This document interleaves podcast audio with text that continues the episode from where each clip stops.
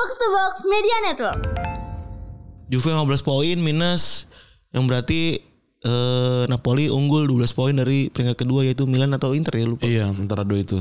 Ini yang kita perlukan kan cuma tahu juaranya aja. Yang bisa mengurangi polusi di Jakarta hanyalah dua. Apa? Angin dan hari libur. Udah bilang. Gue udah bilang. Hari libur memang cuma solu- adalah solusi. Untuk banyak hal cuy Gila luar biasa Banyak tau apa gunanya hari libur ya? Coba. Bikin istirahat orang-orang ambi. Itu penting loh.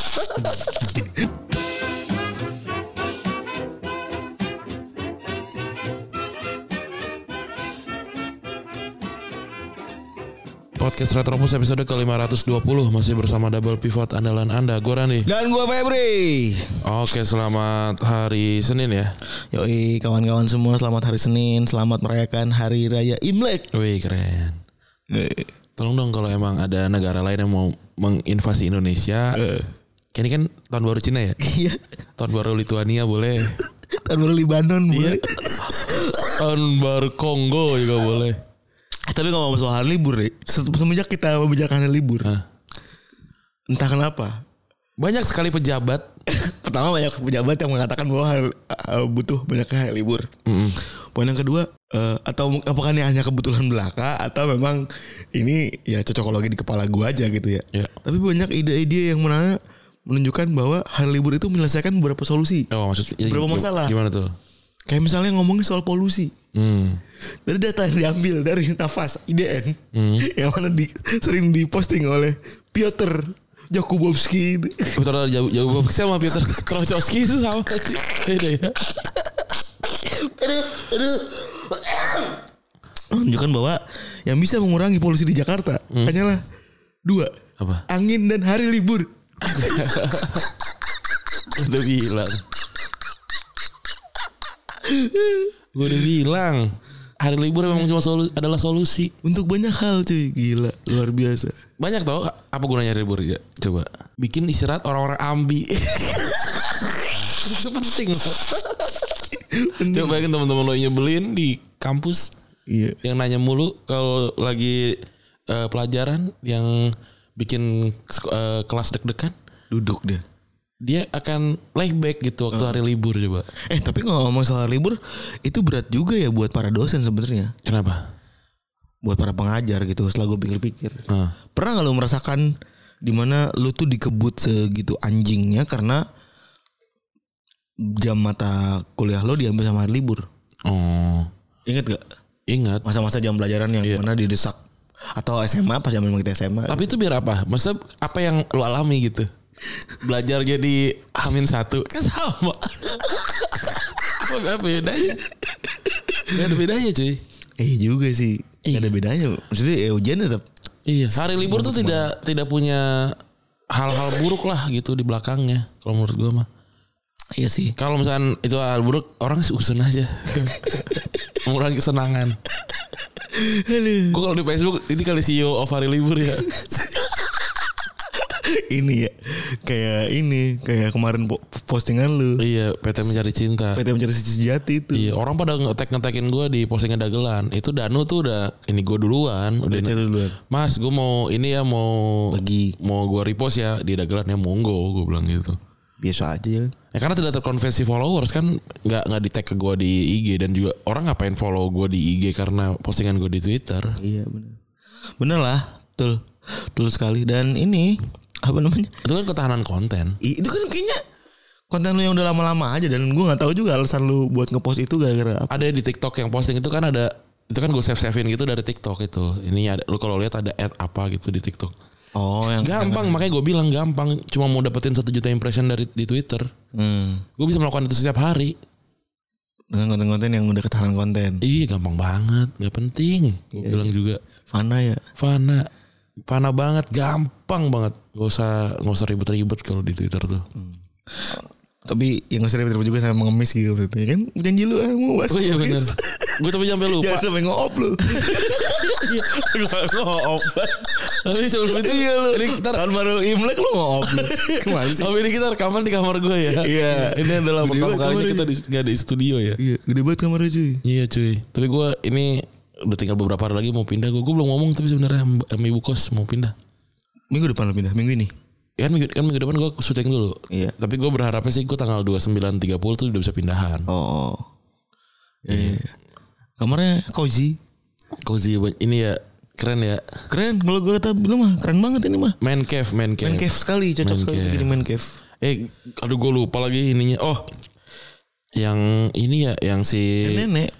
nenek-nenek ya. Kan ada yang Ini sebenarnya kalau gue rasa gue bisa mem- membagi ada yang ingin ada yang ada yang protes ya kan si bocah si bapak-bapak bacot itu ya si John. si John, John. iya. dan juga si Gue gue kemarin dari si John itu, tapi yang sama gue juga udah riset si John jadi kita bisa membagi dua itu ya. iya Tapi kalau yang soal si nenek-nenek ini kan ada yang ada ada yang bilang ngapain sih ngemis gitu ya, ngapain ngemis di online gitu. Kalau menurut gua, ya kenapa enggak? Kenapa lu nggak boleh ngemis di online? hmm. Pertanyaannya, kenapa lu tidak boleh mengemis di online sedangkan pendapatannya jelas ada, demandnya ada gitu, Hmm. gitu.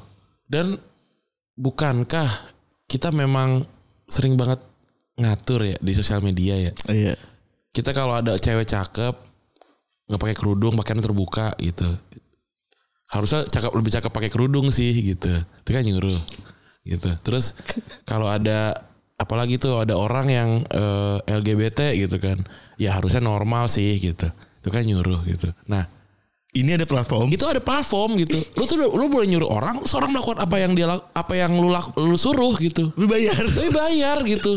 Lu cuma nggak mau bayar aja kan anjing.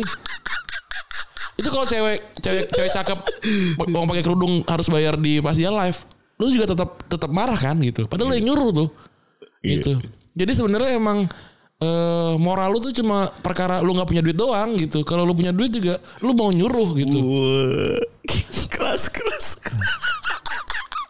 Nyuruh-nyuruh di Twitter harusnya harusnya gira dan nenek-nenek mau mandi pakai lumpur pada marah-marah. itu ini soalnya eh itu gue nggak tahu itu definisi ngemis atau memang by request gitu ini apakah maksud gue gue juga dengerin ASMR gue tiap malam tuh dengerin live orang Heeh. eh apa namanya gue dengerin live orang gue dengerin ASMR orang ada cewek tuh kerudungan gitu gitu ASMR dia mau nge-request apa yang kita iniin Apalagi kalau kalau kalau kita kasih macan Iya kan? Nah kan sama aja, Iya. sama aja. Orang-orang yang lu suruh-suruh di sosial media dan lu pakai harusnya-harusnya itu kan gak ada bedanya sama lu nyuruh-nyuruh si nenek-nenek itu di TikTok. Cuma lu nggak pakai duit aja, cuma lu nggak diturutin aja. Hmm. Gitu. Ntar kalau lu nyuruh-nyuruh terus dia minta duit terus dia mau dan lu ngasih kan jadinya adalah dia juga pengemis online.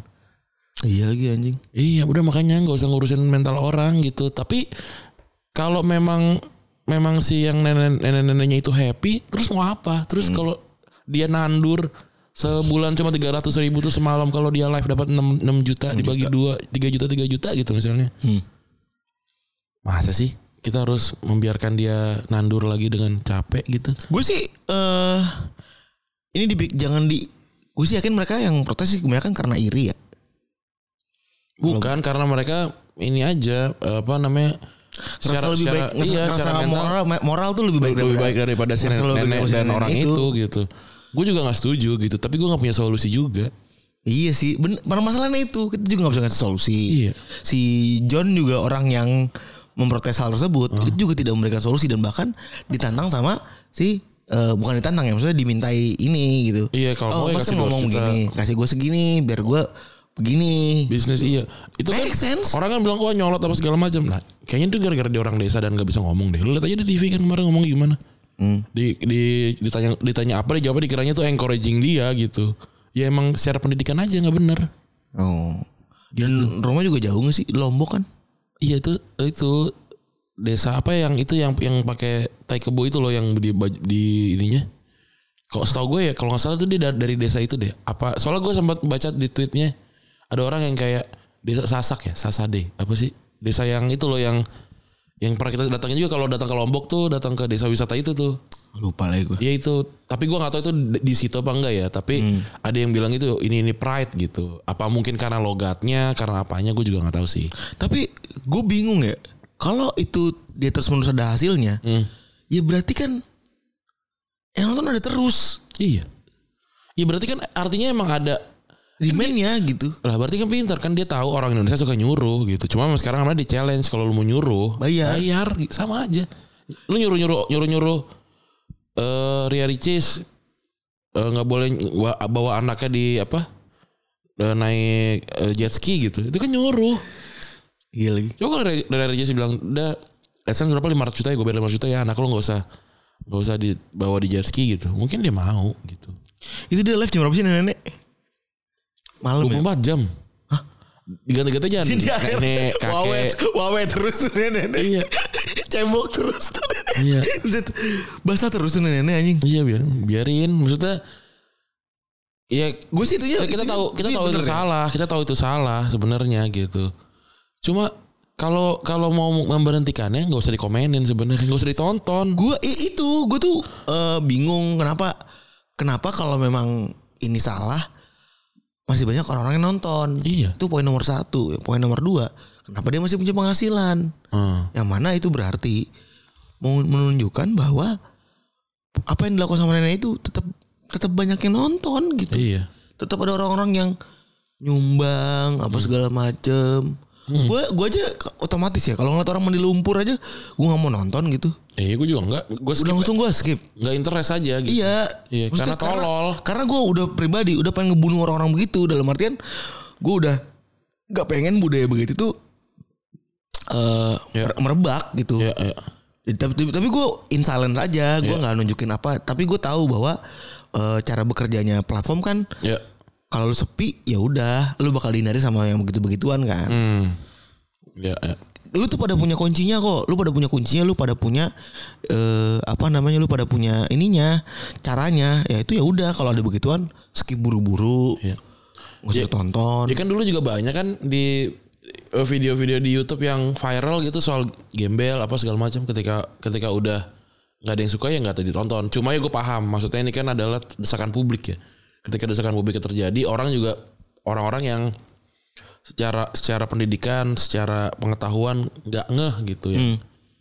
Oh rame, oh nggak boleh nonton ini. Oh kalau gue nonton justru malah menambah lah apa watch time media gitu. Ya memang kan itu jadi jadi jadi memang perlu dilakukan gitu. Iya, benar gue sepakat sih. Tapi bener kata Randi juga, eh ini adalah hal yang bisa dikatakan, gue rasa sih ini alamiah ya. Hmm.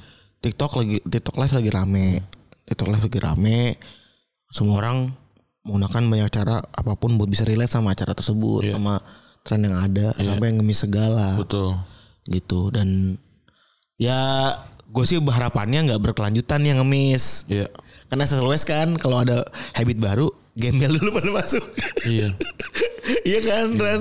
Gembel dulu pada masuk, apa dulu, kayak gitu-gitu. Tapi tapi kan tonton- tontonan ya tontonan orang orang ini orang-orang yang jadi merasa lebih baik ketika dia Iya lihat ada orang yang lebih rendah. Bener sih, emang anjing. Lu pernah lihat kan ada orang yang kakek-kakek yang kayak kayak itu kalau nggak kanker tumor di mulut Iya, tahu gue. yang terima kasih orang baik, terima kasih orang baik gitu. Itu kan juga Ini sebenarnya ini ya endorfin manusia gitu. Maksudnya yang mana ngerasa kalau lebih baik daripada yang gue lihat, itu bahagia. Iya. Jadi tinggal kitanya aja sebenarnya mau ini mau mau mau di mau diambil atau enggak gitu. Terus yang ra- rame juga si John itu kan, Hmm. yang kayak eh semua apa apa si- siapa di sini cita-citanya punya Kantor atasan kayak gini. Ya, oh iya. Satu cita-citanya rendah sekali.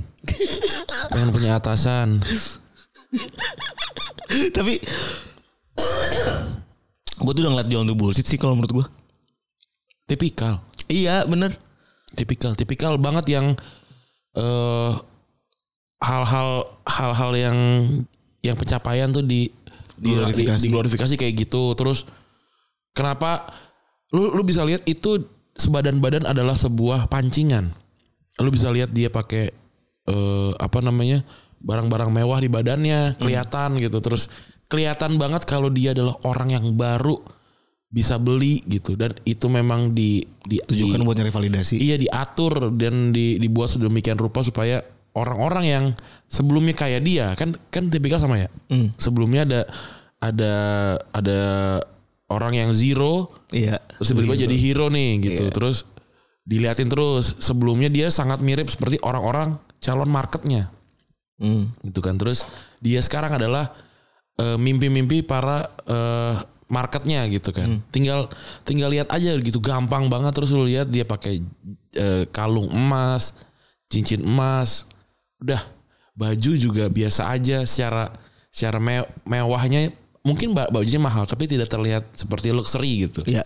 Celana juga sama, cara berpakaiannya juga sama, nggak nggak nggak kelihatan luxury tapi kalau orang biasa ngelihatnya kayak wah gitu. Nah, ini bikin orang-orang yang kayak dia pengen jadi dia.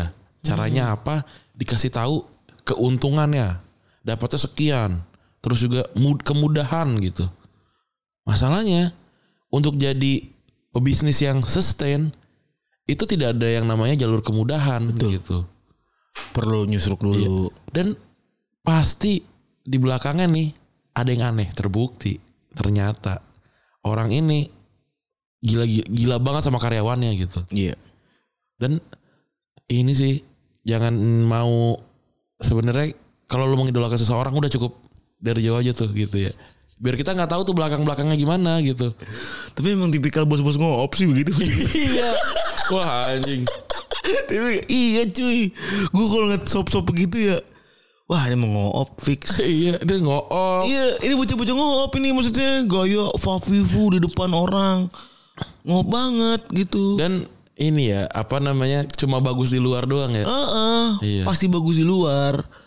Pasti hanya bagus di luar aja dan tidak gimana ya? Orang semua digimikin, semuanya di shoot kontenin. An aneh sih gua terus tiba-tiba ada yang ini gue sih tinggal nunggu atau tuh dibongkar aja kalau dalam masalah karyawan Kan karena udah. ya kan udah baru satu kan setahu gue yang marah-marahin gope itu eh, di- dipotong gaji gope itu. Pak, itu banyak chatnya ke bawah. Chatnya banyak banget itu. Oh. Chatnya banyak banget itu ada yang ada yang ini bilang pokoknya kalau gua ngechat harus balas detik itu juga.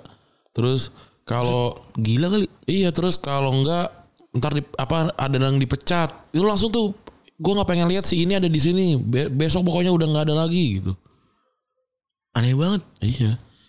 nih gue sebel lagi-lagi gue sebel banget ya setelah kemarin minggu lalu kita ngomongin soal Gen Z yang dimarah-marahin mulu gitu ya karena nggak dikasih tahu ini juga kalau emang mau ngasih pendidik ngasih didikan ya yang bener gitu. Iya. kalau pengen belaga jadi apa dan lain-lain yang bener ngasih pengetahuannya. Ini orang buset. Ini orang gila kali ya? Orang gila. Orang ya bisnisnya apa sih? Bisnis- mencari cincin sejati. Bisnisnya itu bisnisnya eh, apa sih namanya? Kosmetik. Jadi kalau kalau pengen jadi pebisnis kosmetik ayo join gua. Oh ada juga sama kayak impor Iya, kalau- kalau- kalau mau Julio jadi- ekspor beda beda ekspor kan nggak usah namanya itu Oh Julio ekspor bukan ya yang mukanya ada ya Cina pokoknya kalau pokoknya kalau pengen jadi pebisnis eh, apa namanya kosmetik join gua kalau dia dia punya traktor apa namanya kontraktor apa segala macam gitu Hmm. aneh gitu gua gua nggak gua nggak nggak ngerti kenapa orang bisa ngefans sama orang kayak gini Iya. Ini idaman, bos idaman. Tai tau gak lu? Tai bener. iya tai tai Lu sih gak usah dah ngina-ngina begitu. eh karena udah pasti ngoop gitu. Maksud gue, gue udah yakin banget. Maksud tuh udah yakin banget ini ada. Balik lagi yang Randy pernah bilang juga ya. Kalau ada perusahaan yang ininya keluarga. eh bohong pasti. bohong Ada bohongnya gitu. Basicnya keluarga pada lain. Keluarga tuh dalam bentuk karyawan. Hubungan antar karyawan. iya Bukan hubungan vertikal antara karyawan, karyawan perusahaan. perusahaan iya Nggak mungkin. Gak mungkin, gak mungkin. Lu lu aja sama bapak lu yang nggak ngasih duit lu aja kadang-kadang dia ini, kadang-kadang dia lebih memaksakan hidupnya dia kepada lu gitu. Itu. Karena karena udah ada udah ada hierarkinya gitu. Jadi nggak ada tuh ka- kalau misalnya perusahaan itu keluarga apa dan lain-lain. nggak hubungan antar karyawan itu bisa keluarga. Iya. Tapi kalau hubungan antara karyawan dan perusahaan itu udah gue pastikan bahwa tidak ada ya. Jadi jangan mau di ngopin gitu. Iya, maksudnya. iya, iya, iya. Mohon maaf banget nih. Iya, iya, iya. Jadi hati-hatilah teman-teman ngelihat sese- seseorang Iya. yang too good to be true. Nah, itu too good to be true tuh. Dan, Dan gini, orang itu apa sih dibilangnya kan eh, langit itu tidak perlu memberitahu orang lain kalau dirinya tinggi gitu. Orang yang nggak ngasih tahu gitu. Eh langit itu tinggi ya anjing. gitu. Nah kita kan sering dengar juga kan ada orang yang kayak- Bob Sadino gitu. Iya. Dia tuh nggak pernah cerita tau tentang Iya, usahanya apaan? tentang tentang seperti apa dia gitu, tentang eh, tindak tanduknya dia, tentang keanehan dan apa namanya gerakan-gerakan yang eksentriknya dia gitu. Kita tahu dari cerita-cerita orang gitu. Kita tahu dari cerita-cerita orang, kita tahu dia menceritakan dan orang menyimpulkan kalau dia aneh. Dia nggak ngomong eh gue aneh tahu baru gini gini gini gini gitu. Hmm. Orang dia cerita aja gitu. Gitu. Dia Oh, gue paham. Gua- dia dia dia nggak pernah mencerit dia nggak pernah mem- memperson- mempersonifikasikan kalau dia aneh gitu. Dia cuma cerita kalau waktu Bung Hatta eh Bung Karno datang eh Bung eh, Soeharto datang ke eh ngajak dia ketemu gitu ke tempat peternakannya dia dia tetap nggak mau pakai celana panjang gitu. Kan dia ditanyain tuh pernah nggak mau pakai celana panjang? gitu. Kalau ketemu ketemu presiden nggak pernah gitu. Waktu itu eh, Pak Harto datang ke tempat gua gua tetap pakai celana pendek gitu Iya, tapi revisinya digulung juga kali ya. Iya, nah itu kan itu kan membuat orang jadi kayak anjing nyentrik banget, anjir aneh banget Aneh. Iya. gitu. Tapi dia nggak pernah nggak pernah cerita Nggak pernah bilang kalau dia tuh aneh. gitu. Nah, Oh, gue ngerti maksud lo. beda sama eh, pengusaha-pengusaha yang Sekarang-sekarang ini. nih. mencerminkan kalau dia tuh kaya banget, Hmm. dia tuh baik banget gitu loh. Iya, iya, iya. Kayak kayak siapa namanya eh, Yusuf Hamka kan dia nggak pernah ceritain kalau dia baik, dia cuma diliput karena dia punya ini, punya, punya bukan punya yang restoran apa tempat makan yang bayar berapapun itu loh. Oh, iya. Nan- Nanti belakangan bisa bisa jadi bisa jadi dibila- didebatin kayak ya bisa aja itu adalah made up dari media dan segala macam. Tapi setidaknya dia nggak nggak ceritain diri dia sendiri gitu. Oh, by by doing. Betul. Kalau si John ini kan menceritakan diri sendiri. Bener dan kemakan orang-orang ternyata. Ngeri ya. Benar, benar. Oke, kita ngomongin bola kali ya udah 21 menit. Napoli hari ini menang cuy. Beda 12 poin on top. Betul 2 2-0 eh, ngelawan Salernitana ya. Ochoa kebobolan 10 berarti di dua pertandingan terakhir. Kan dia kebobolan 8 kemarin. Gila ya, semakin mendekat men- menuju tangga juara. Setelah eh, Juventus juga dihukum ya. 15 15 ya. 15. Plus Valenza anjir. Valencia apa? Plus Valenza itu kasus yang bikin dia Oh namanya nama dinamainnya itu. iya karena dia nggak ngakalin ngakal ngakalin duit transfer. Iya. Makanya ada yang posting juga tuh yang kayak Joao Cancelo ditukar sama Danilo, Arthur ditukar sama Iya. apa namanya Pjanic itu katanya menurut gue tuh kejeniusan the art of finance kalau kata gue sih kalau menurut gue dan gue actually senang sekali melihat mereka tuh beratraksi gitu para ka- ahli-ahli keuangan ini mengatur gimana caranya tuh supaya bisa lolos A B C D dan beberapa resort lain Ya, tapi ternyata kan enggak tapi ternyata salah. Iya, Iya, ternyata salah. ternyata salah. Yang mana sebenarnya awalnya gila gue pas lagi baca di awal tuh si Plus Valenza itu gue Iya. ngerasa anjing genius banget. Gimana caranya lu bisa ngakalin ini A sampai Z tapi ternyata salah. Kayak karena salah ya udah mau gimana pun tetap salah. Iya. Gitu. Dan Juve 15 poin minus yang berarti eh, Napoli unggul 12 poin dari peringkat kedua yaitu Milan atau Inter ya lupa. Iya, antara dua itu. Ini yang kita perlukan kan cuma tahu juaranya aja. yang kalah nggak ngapain dihitung. nah ini pertanyaannya jadi menyeruak ya. Kenapa Napoli tahun ini bisa main bagus? Benar kan Spalletti kan ya kita tahu pelatih yang bagus tapi ya biasa aja. Bener. Spalletti itu sebenarnya adalah pelatih yang punya trademark dia tuh ingin selalu mengubah sebenarnya kalau gua lihat eh, bawahnya tapi ini nanti bakal kita kita ini juga ya eh, apa namanya kita cek ulang juga. Yang mana kalau ngomongin soal eh, kondisi saat ini si Napoli yang mana dia punya klasmen itu mereka berpeluang jadi Scudetto pertama mereka sejak tahun 90. Ya sejak tahunnya Maradona. Berarti 30 dua 33 tahun yang 33 tahun yang lalu. Gila. Dan eh kalau ngomong soal perubahan, gue yakin sih tahun ini ya Ren ya, kita ngerasain ada dua transfer yang mana nah sama Nottingham Forest udah pernah kita bahas kan. Almost berapa orang 22 orang ya Siap- Apa? Nottingham Forest dulu tuh. Pindah apanya ininya? Transfer in. Transfernya iya 22. 22 orang Iya. masuk dan sekarang entah di mana tuh. Dia enggak tapi dia eh, kalau nggak salah 15 deh 15 15 sama 14 gitu udah udah nggak direlegasi lagi udah nggak Iya. udah nggak degradasi. Maksudnya kan sempat terpuruk juga. Iya. Yang mana dalam artian itu akhirnya gagal dalam kohesi Iya. gitu, gagal dalam kohesi.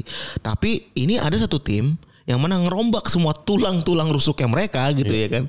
Tapi bisa ada di atas. Iya. Itu yang makanya menjadi anomali dan coba eh, kita bahas kali ini. Walaupun gua udah riset sana sini itu secara mungkin karena belum juara kali ya. Iya. Ini tim pertama nih tim underdog dan belum juara. eh sehingga data-data yang gue dapat itu juga tidak begitu eh, ada yang ngulik gitu loh. Kan biasanya kan kalau dari first tiernya kan udah ada yang ngulik. Ini belum ada yang ngulik banyak tapi yang jelas ada beberapa hal yang diubah sama si Spalletti ya kan? Yang pertama itu perubahan besar yang dibuat dari segi transfer. Lu bayangin ada Bali, Insigne, Ruiz, Ospina sama Mertens cabut. Iya, itu kan senior seniornya ya. Eh, tapi mungkin karena senior juga dicabut, terus cabut. kalau banyak jurnalis bilang itu malah justru jadi kunci karena mereka ngehapus satu generasi. Iya. karena Spalletti ngehapus satu generasi. Dan beda ini ya. Enak. gue gue tiap kali denger kata beda Bebek sama kuda. bebek sama kuda dan anak-anak tuh Gue ternyata- posting itu yang beda itu si Jerry Jerry nge- ngeri ya ketawa gitu. dan si apa namanya dan si anak-anak Hmm? itu ternyata sangat menunggu stance kita berdua terkait si beda itu Oh, Bebek sama kuda. mbak sama kuda ini Iya. gitu Ya hodop ya. Kita mah enggak sih. jadi enggak anak-anak ini anak-anak terus jadi Iya. kemarin pas lagi dengerin wah anjing ya bang. Maksud gue sampai segitunya pantas lu. Pas lagi gue gue share gue share. Undangan itu tuh gue share ke anak-anak. Maksudnya gue nunjukin nih besok ada beginian nih. Ya. nah aneh aja sih end gap gue gitu. Nah, makin wah kakak kakak. Terus ada asumsi nyebur gitu dulu. Ah, asumsi nyebur kasus apa sih dulu yang Julhas. Ya kayak gitu kan Iya. makin ini ya bang makin hard sell. Bodoh ah. Ah gue bodoh ah gue udah mau resign. Oh pada bingung tuh maksudnya pada bingung. Udah gue gue cerita apa adanya aja. Maksudnya ya kondisi makin udah beda lah balik lagi. Udah bebek sama kuda. Bebek sama kuda. Terus eh bahkan ketika Mertens insinya sama sama Kolibali itu cabut, Ya. Spal itu di awal musim latihan pertama mereka itu diprotes Ran sama Ya. fans. Jadi fans itu pada datang ke eh, tempat latihan Napoli, terus pada bawa banner nyuruh Spalletti dipecat. Oh. Lu pergi aja anjing. Ya. gitu. Cuma Spalletti ini orang ini orang katopan keras banget ya. Iya. Dia jawab cuma satu, udah lu diem aja gue gue gue yang pelatihnya anjing lu. Iya bener. lu kalau seandainya tuh permintaan fansnya beneran ke terwujud ya wah saya Iya. sekarang mungkin nggak kayak sekarang gitu terus eh apa namanya eh bahkan banyak orang memprediksi kalau di musim ini Napoli sebenarnya adalah musim transisi mereka yang mana pun gue sepaham karena dari prediksi-prediksi dan dari eh, apa ya dari histori orang-orang yang banyak ganti pemain gitu ya bukan nambah ini bakalan ada transisi dulu gitu Iya. dan orang yang paling berjasa buat nemuin talent-talent baru itu adalah namanya Cristiano Guntoli Iya. ini direktur olahraga Napoli yang mana orangnya kalau lu lihat di gambar gitu ya itu orangnya agak cukup antik ada di bench kadang-kadang kayak paji umuh lah gitu Iya. gak banyak bacot gak banyak muncul di media tapi berhasil kolaborasi dengan baik sama Spalletti supaya ngebangun tim yang sekarang Guntoli ini ka- bahkan kemarin sempat mau dibeli sama West Ham. Iya. eh, buat melengkapin David Moyes yang mana eh, Moyes bilang kalau dia tuh butuh orang yang bisa memenuhi kebutuhan dia. Iya. minta ke minta ke West Ham. Tapi nggak nggak jadi. Nah ini persona nih orang itu nggak banyak informasi di media di luar apalagi dalam negeri. Ini nggak banyak orang yang bahas Guntoli nih nggak ada yang bikin eh, apa namanya riset panjang tentang Gintoli ini karirnya gimana. Ya. belum kayak Monci gitu loh. Benar. Monci kan dulu pas lagi zaman zaman Sevilla ya Iya, Monchi Sevilla zaman juara kali juara Eropa Kali-kali Europa League tiga kali kalau nggak salah ya. tiga kali Ah. itu kan diangkat tuh Iya. gimana caranya dia bangun eh apa namanya bangun Iya. money game dia tuh Ya mungkin tadi kalau di juara juga pasti dibahas, pasti satu-satu dibahas. Eh, siapa aja nih yang membantu Napoli juara kan. Tapi yang jelas yang membantu Napoli juara selain dari dalam tentu saja para pemain yang kelihatan ya. Pa- Para pembelian yang dianggap jadi kunci adalah pertama kan Keparat Skelia ya. Fars Fars Don Iya ini Vicia Keparat Skelia nih 10 juta doang nih lagi-lagi nih sempat pengen dibeli sama Milan sebenarnya si kakak Kalaza tuh udah sama-sama orang Georgia tuh udah Iya. dapat info sebenarnya. Cuma karena udah ada si siapa namanya Leo kalau nggak salah. Leo atau Si saya saya Markars itu ya. Itu Siapa sih itu ya? Kok ada dia? Anjing gue batuk mulu kapan nih? Milan ini ya. Sally Makers. Iya, Milan ada yang random juga kan kayak gitu kayak Mesias ya. random juga tuh ya. Tapi yang lebih random lagi sih nama-nama Manchester yang baru loh. Apa?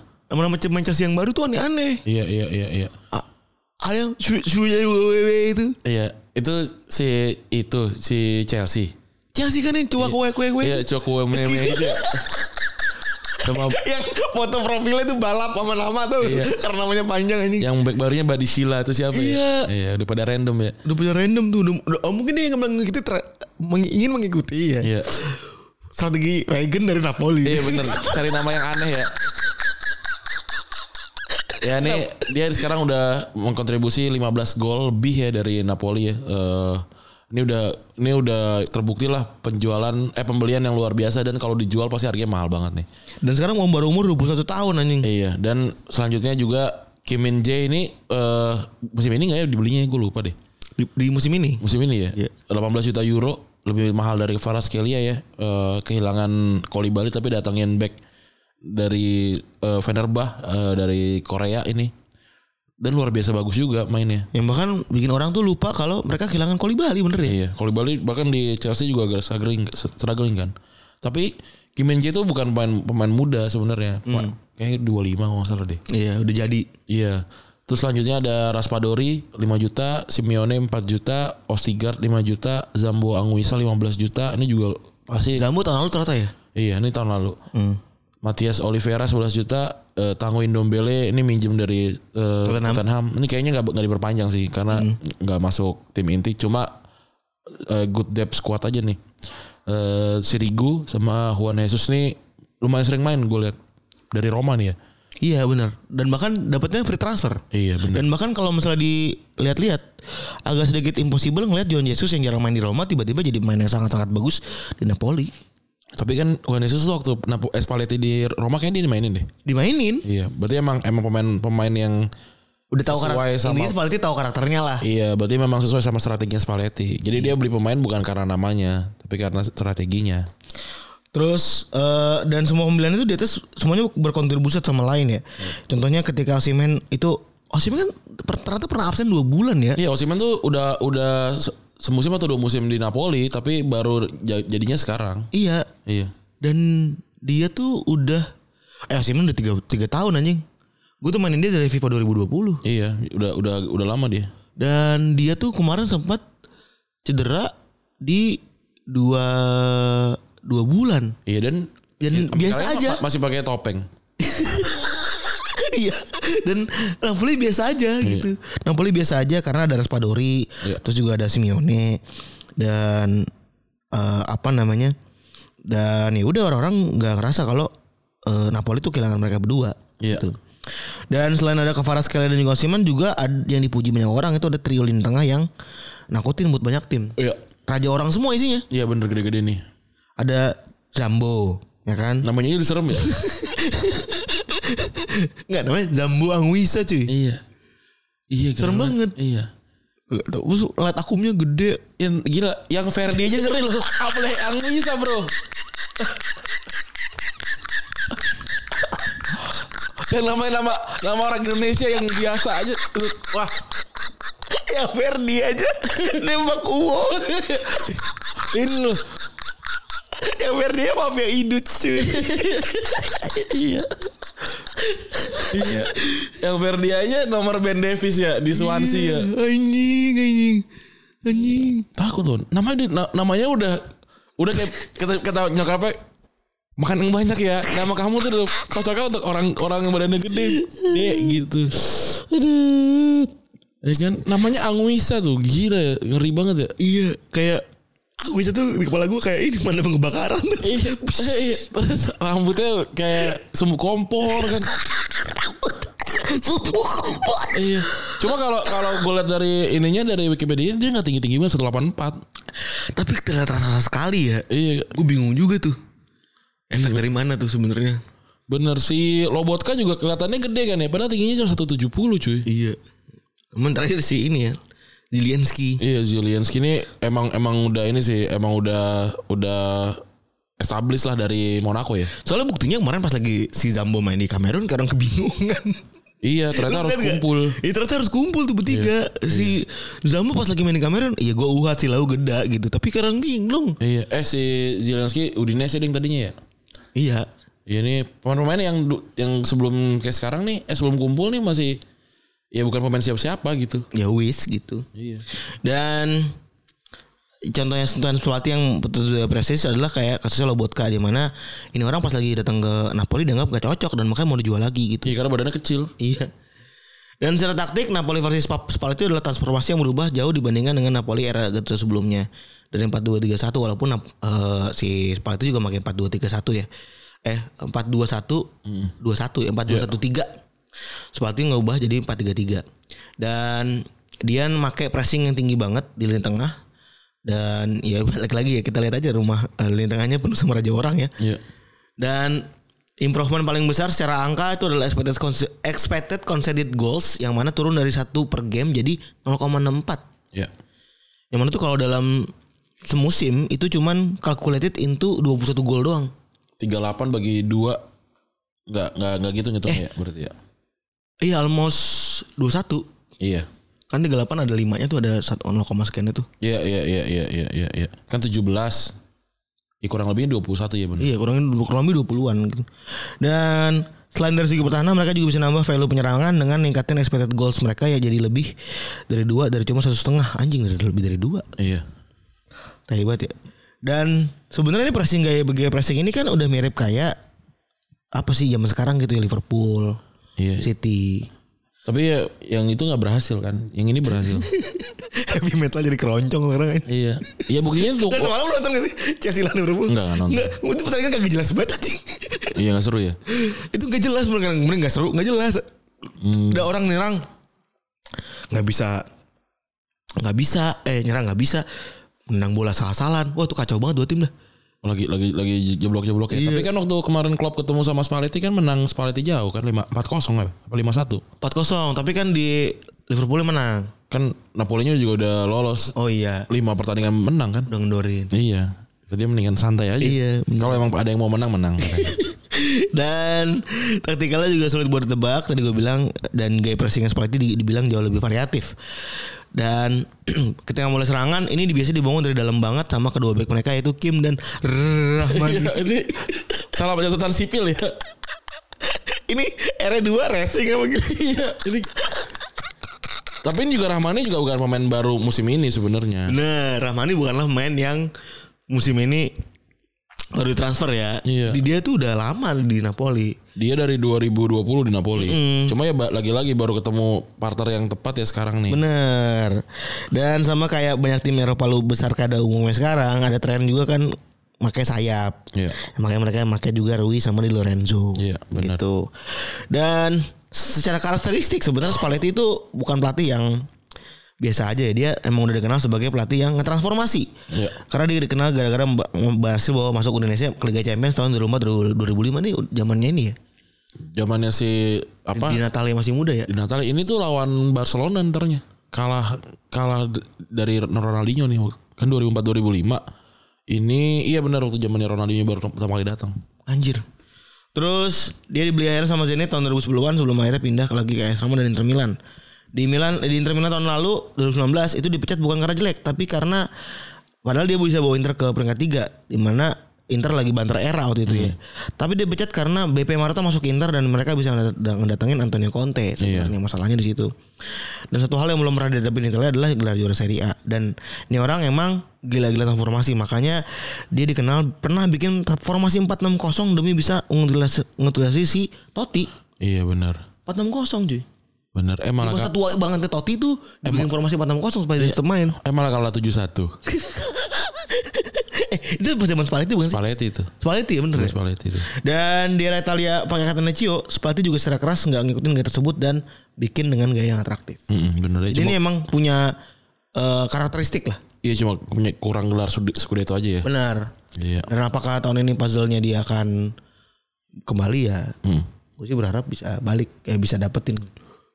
Gue rasa menang sih. Jadi Inter lagi biasa aja. Milan juga lagi biasa aja. Milan tuh ah, nggak ada di, eh, dia ada di Liga Champion kan? Ada. Lolos nggak? Eh gak lolos. Nggak lolos ya. Kan kalah. Eh enggak enggak sorry sorry sorry. Lupa gue. Lolosnya gue juga lupa lagi anjing. Gak skip Piala Coba gue Dunia. cek 16 besar. Gak skip Piala Dunia. Tapi yang jelas gue sih tidak merasa bahwa tahun ini Napoli itu bisa hancur kecuali momentumnya dirusak sama mereka sendiri. Nah. Kalau misalnya mereka eh AC Milan ada lawan Tottenham. nonton Tottenham ya ada. ya? Iya, Inter lawan Porto tuh. Berarti kan ada eh, fokus terbagi kan. Iya. Sedangkan eh, Napoli baru kalah di Copa kemarin. Oh ini mengalahkan diri ya? Kali iya mengalahkan diri dia. Mengalahkan diri dong. Satu dua kalah. Oh, iya. Jadi dia berfokus lah ke eh, Scudetto. Benar. Sedangkan Juventus sudah ambruk nih. Iya. Minus 15.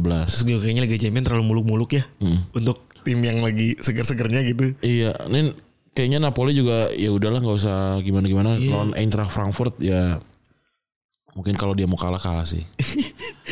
Gue sih, gue sih pengen juara dulu dah. Seri A sih, Iya, harus Serie Seri A A. dulu, Seri A dulu. Tapi kalau double pun masih mungkin. Masih mungkin nih. Masih mungkin. Gue memprediksi Napoli akan masuk semifinal. Semifinal Liga Champions. Semifinal lagi champion. Gue semifinal eh semifinal sih kayak analisis ya. Iya, Panjang tapi ngos-ngosan di akhir. semifinal Liga Champion kemudian dia akan ketemu sama Manchester City.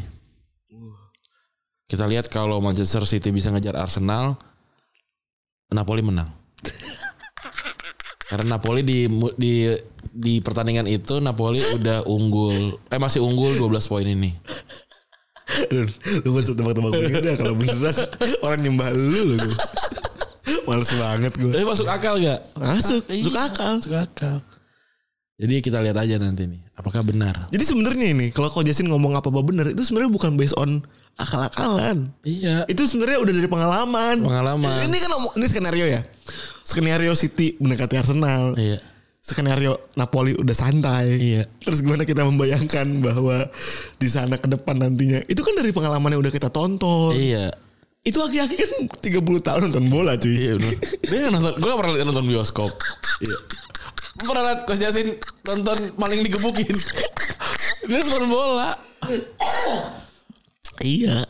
Iya, dia juga nonton YouTube kayaknya gue rasa. Jadi wajar kalau udah begitu canggih. Iya benar. Udah gitu kali ya untuk episode kali ini ya. Makasih teman-teman yang sudah mendengarkan. Gue Randy cabut. Gue Febri cabut. Bye.